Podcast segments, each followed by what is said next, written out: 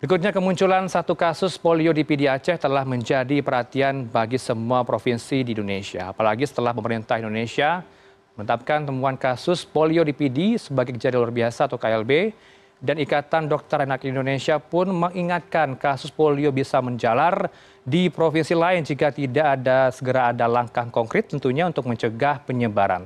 Apakah giat vaksinasi atau imunisasi dasar tidak berjalan dan apakah ada faktor kesadaran warga terkait bahaya polio rendah? Untuk membahasnya sudah terhubung melalui sambungan daring bersama Ketua Umum Ikatan Dokter Anak Indonesia atau IDAI, Dr. Piprim Basarah Yanuarso. Selamat siang, selamat sehat, dokter. Selamat siang. Ya, uh, bagi Anda kabar, ini di luar prediksi atau sesuai prediksi Anda ya sudah terjadi eh, KLB di Aceh untuk polio, dokter. Baik. Hmm. Uh, sebetulnya secara keilmuan KLB di Aceh ini sesuai dengan prediksi kami, karena selama khususnya pasca pandemi ini cakupan imunisasi di Aceh adalah memang yang sangat rendah ya. Hmm sebagai contoh cakupan imunisasi dasar itu kan dalam enam bulan Januari sampai Juni eh, 2022 ini kan targetnya 45 persen ya. Mhm. Setahun kan targetnya 90 persen, 93. Hmm. Aceh itu dari 45 persen target hanya 9 persen. Jadi sangat rendah untuk imunisasi rutin yang bayi baru lahirnya, yang mhm. awal-awal ya. Ini kan termasuk polio di dalamnya. Hmm. Jadi kita tahu bahwa apabila cakupan imunisasi itu turun di bawah 60 persen saja, ini sudah akan mengundang datangnya penyakit-penyakit yang tadinya bisa kita kendalikan. Hmm. Apalagi kalau cakupannya menurun sangat-sangat rendah. Jadi ini sebetulnya keprihatinan kita semua. Cakupan rendah dari vaksinasi ini disebabkan oleh uh, informasi yang beredar di publik tentunya. Hal negatif soal vaksinasi. Kalau kita ingat, untuk vaksinasi COVID-19 banyak isu negatif tidak halal untuk vaksinasi COVID-19. Apakah ini juga menyebabkan banyak masyarakat tidak percaya atau tidak uh, mau divaksin anaknya karena masih uh, belum terbilang halal untuk digunakan? Ya, hmm. saya kira ini mesti diselidiki lebih mendalam ya. Hmm. Namun uh, fakta yang ada adalah cakupan imunisasi sangat rendah. Hmm. Artinya kita butuh cara-cara bagaimana supaya masyarakat itu tergerak untuk imunisasi. Hmm. Salah satu upaya adalah bagaimana masyarakat dikenalkan akan bahaya penyakit yang sesungguhnya bisa dicegah dengan imunisasi ini. Hmm. Kadang-kadang masyarakat nggak percaya ada penyakit yang berbahaya atau nggak paham apa sih yang dicegah dengan vaksinnya. Jadi, sehingga kita butuh edukasi ya agar masyarakat itu paham kalau anak sudah lumpuh itu kan seumur hidupnya dia menderita. Hmm. Jadi hal seperti ini mesti dipahamkan kepada masyarakat. Baik, Dokter Piprip, kalau Anda temuan IDAI di lapangan seperti apa ya? Apakah eh, dengan pembatasan selama pandemi ini membuat mandeknya dari bulan imunisasi, imunisasi nasional yang digelar rutin biasanya sebelum pandemi, apakah ini juga terlihat atau juga dirasakan oleh warga masyarakat di Aceh? Ya, hmm. saya kira di mana-mana pandemi ini kan memang mengakibatkan orang takut keluar, hmm. takut ke kerumunan, ya takut uh, ke posyandu dan seterusnya. Namun demikian, seharusnya pasca pandemi ini lebih reda, itu cakupan imunisasi rutin bisa meningkat kembali. Di hmm. Aceh itu kan vaksinasi COVID-nya cakupannya cukup tinggi. Kenapa? Karena mungkin hmm. masyarakatnya juga takut bahaya COVID itu sudah ada di depan mata mereka tapi bahaya eh, vaksin-vaksin yang rutin ya seperti difteri, polio, tetanus itu mungkin mereka nggak ngeh gitu ya, hmm. nggak nggak ngerti seperti apa bahaya penyakitnya. Hmm. Jadi mudah-mudahan dengan satu kasus polio di Aceh ini sebetulnya ini kan uh, puncak gunung es ya. Dari satu pasien polio itu kan sebenarnya ada sekitar 200-an anak yang sudah tertular yang di sekitarnya itu, namun belum lumpuh ya atau nggak lumpuh. Jadi saya kira ini kasus serius yang harus kita sikapi uh, dengan segera dengan respon yang cepat tepat.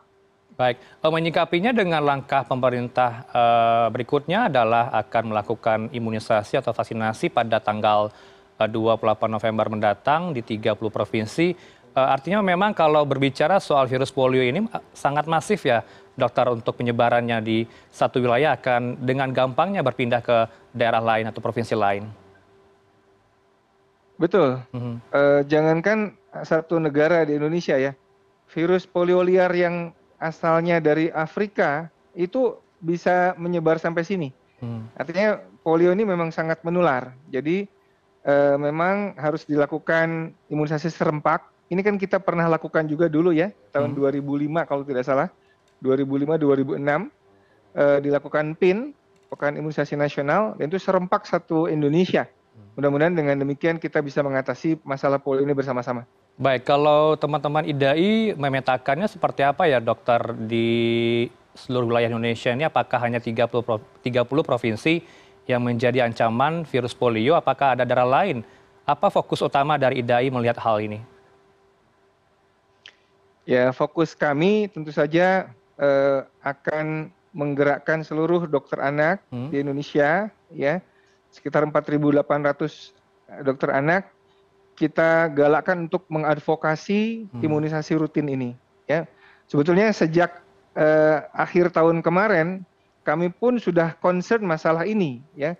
Kerjasama dengan dinas kesehatan dan sebagainya. Namun memang uh, mungkin Eh, di kita ini kan mungkin harus ada kasusnya dulu mungkin ya baru pada sadar gitu ya.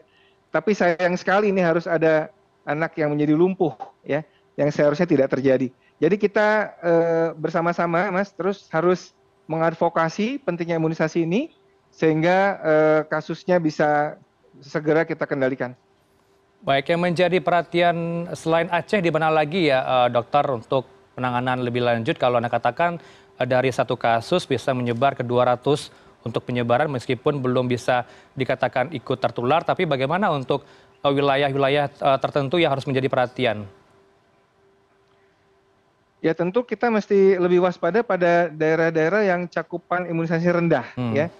Biasanya eh, di daerah Sumatera ya, mungkin di Sumatera Barat, di daerah Riau itu juga cakupan imunisasi rutinnya masih rendah terkait isu halal haram ya jadi saya kira ini mesti disikapi dengan bijak ya seluruh lapisan, lapisan masyarakat mesti turun termasuk majelis ulama kemudian eh, apa pimpinan kepala daerah itu juga harus turun ya hmm. Agar jangan sampai ada korban-korban lagi anak-anak kita yang eh, seharusnya menjadi generasi tangguh di masa depan. Ya, uh, sebagai bentuk edukasi yang Anda katakan tadi terhadap masyarakat untuk meyakinkan dilakukan imunisasi maupun vaksinasi uh, kalau saya kutip dari uh, pernyataan yang dilakukan WIDAI, Anda sendiri ini ada koordinasi antar uh, lintas sektor ya, uh, Dokter Kemendagri, pemerintah daerah, hingga Majelis Ulama Indonesia untuk memastikan kembali memberikan pemahaman ke publik bahwa uh, vaksin ini ada hal yang tepat dalam pencegahan polio. Kalau Anda melihatnya sejauh ini peran dari masing-masing lintas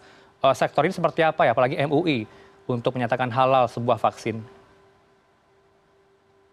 Ya, saya kira MUI dalam fatwanya hmm. ya itu ada tertulis program imunisasi hukumnya wajib dan termasuk kondisi darurat hmm. ketika itu mengancam nyawa atau hajiat ketika itu membuat kecacatan.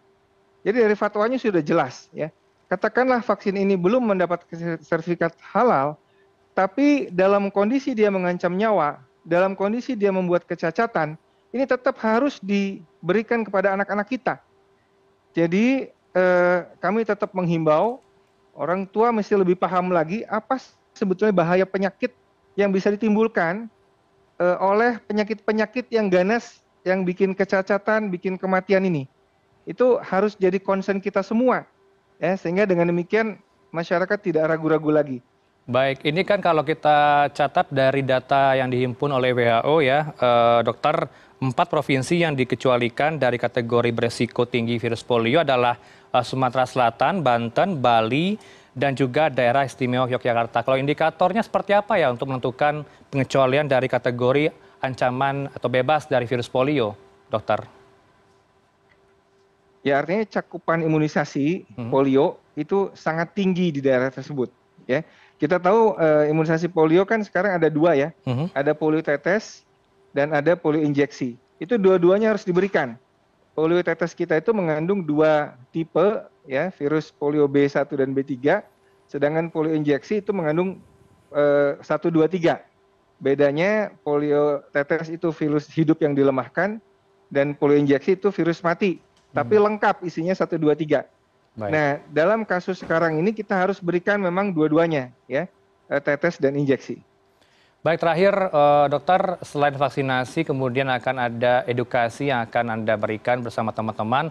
Apakah ada himbauan khusus lagi kepada masyarakat agar aware, agar sadar bahwa ancaman virus polio ini sangat mengancam khususnya bagi daerah yang cakupan vaksinasinya masih rendah saat ini, dokter? Ya, mungkin kami dari IDAI menghimbau ya para orang tua, cobalah perhatikan masa depan anak-anak kita hmm. ya anak-anak kita itu generasi mendatang yang menjadi tumpuan harapan kita semua ya eh, kebanggaan orang tuanya apa jadinya kalau anak-anak kita kemudian terkena penyakit-penyakit seperti ini hingga lumpuh ya? Jalan harus pakai tongkat ya? Jangankan untuk dia bisa menjadi atlet atau menjadi eh, tentara atau menjadi apa ya? Untuk hidup sehari-hari saja dia mengalami kesulitan. Jadi cobalah kita berpikir masa depan anak-anak kita karena anak-anak kita itu bukan milik kita, ya? Mereka punya masa depannya sendiri. Jangan sampai kita karena egoisnya kita menolak imunisasi pada anak-anak kita yang jadi korban anak-anak kita sendiri. Jadi saya kira ya, kesadaran pada orang tua mesti kita gencarkan dan bagi orang tua lain yang sudah sadar, ayo kita bahu membahu untuk sama-sama menyadarkan tetangga kita, ya menyadarkan saudara-saudara kita akan bahayanya penyakit polio ini dan sebetulnya bisa kita cegah dengan cara sederhana dan murah dan hmm. gratis ya hanya dengan membawa anak-anak kita imunisasi. Dipastikan gratis ya dokter untuk bulan imunisasi, imunisasi nasional di tanah air ya begitu ya. Tidak usah khawatir untuk membayar. Ya, biasanya pemerintah kalau ya kalau PIN hmm. biasanya gratis Mas dari kapan-kapan juga. Baik. Karena memang bahaya apa biaya bagi pemerintah memang uh, melonjak ini dengan hmm. adanya ini. Baik, terima kasih dengan diskusi ini semoga menjadi apa ya gambaran pemahaman dan juga edukasi bagi orang tua di rumah pentingnya imunisasi ataupun vaksinasi dari ancaman virus polio yang telah menjadi KLB di Aceh atau di PD Aceh. Terima kasih Dr. Piprim Basarah dengan CNN Indonesia News Hour pada siang hari ini. Selamat siang. Assalamualaikum, Dokter. Waalaikumsalam. Terima kasih, Mas.